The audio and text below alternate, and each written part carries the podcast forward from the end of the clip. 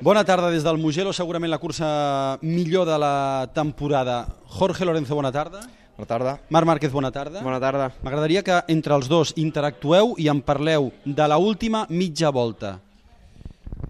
¿Qué pasa? Que, que Marc eh, iba, iba muy bien, cerrando mucho los, los huecos y, y yo pensaba que realmente era muy complicado ganarle, ¿no? Pero quizá, pues bueno, el, efect- el momento sorpresa en esa curva, porque normalmente allí no se hacen adelantamientos y, me ha venido a la mente ese 2005 cuando he pasado a, De Angelis por la segunda posición y he dicho, ¿por qué no voy a intentarlo? He abierto mucho gas, quizá una maniobra un poco arriesgada, un poco loca, pero, pero bueno, al final no me ha salido bien porque entra muy rápido, Mar me ha vuelto a pasar y en esa última frenada podía haber dejado los frenos, y, pero, pero era muy arriesgado, nos hubiésemos tocado y quizá caído, así que he decidido mantener los frenos.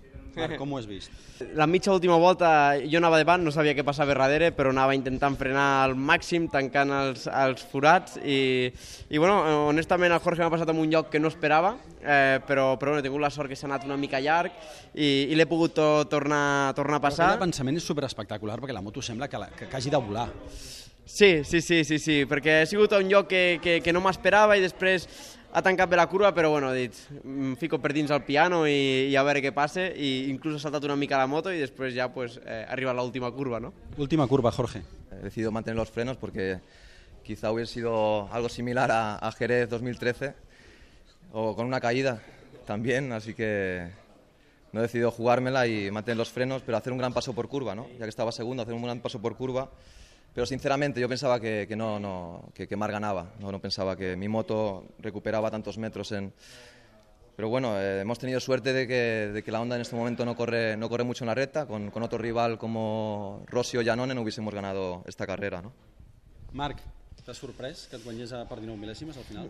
Eh, sabia, sabia que podia passar, eh, perquè totes les voltes anava darrere d'en i veia que jo no l'agafava res a rebufo i, i la seva moto, quan tu no pots recuperar rebufo, vol dir que, que corre bastant, bastant més, però, però bueno, eh, era l'única opció que tenia, no?, de sortir primer i a veure què passava.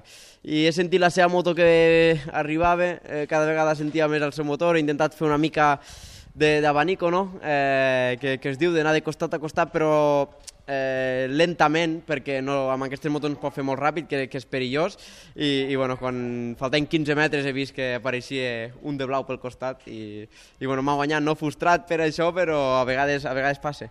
Valoració de la victòria, Jorge. Hombre, yo que he ganado, pues me sabe, me sabe muy bien esta victoria, ¿no? Porque eh, yo ya me veía empatado a puntos con, con Mar para Montmeló y tener esos 10 puntos de, de ventaja en la carrera de casa siempre te da más tranquilidad que, que llegar eh, con los mismos puntos, ¿no? Marc, aquesta segona posició? Bueno, eh, m'hagués agradat estar empatat de punts i, i arribar a Montmeló, però, però bueno, eh, per altra part, Mugello és un circuit que sempre m'ha costat molt, eh, que sempre m'ha costat eh, guanyar, i, i bueno, eh, aquí poder estar tan a prop eh, de, del Jorge, que és un dels seus eh, millors circuits, eh, crec que, que ens donarà mo- motivació per la següent. S'haurà de passar a Montmeló i després de Montmeló a veure si el dilluns al test podem tindre algo que ens, que ens ajudi una, una mica. Gràcies, cavallers. Muy bien, a vosotros. Gràcies.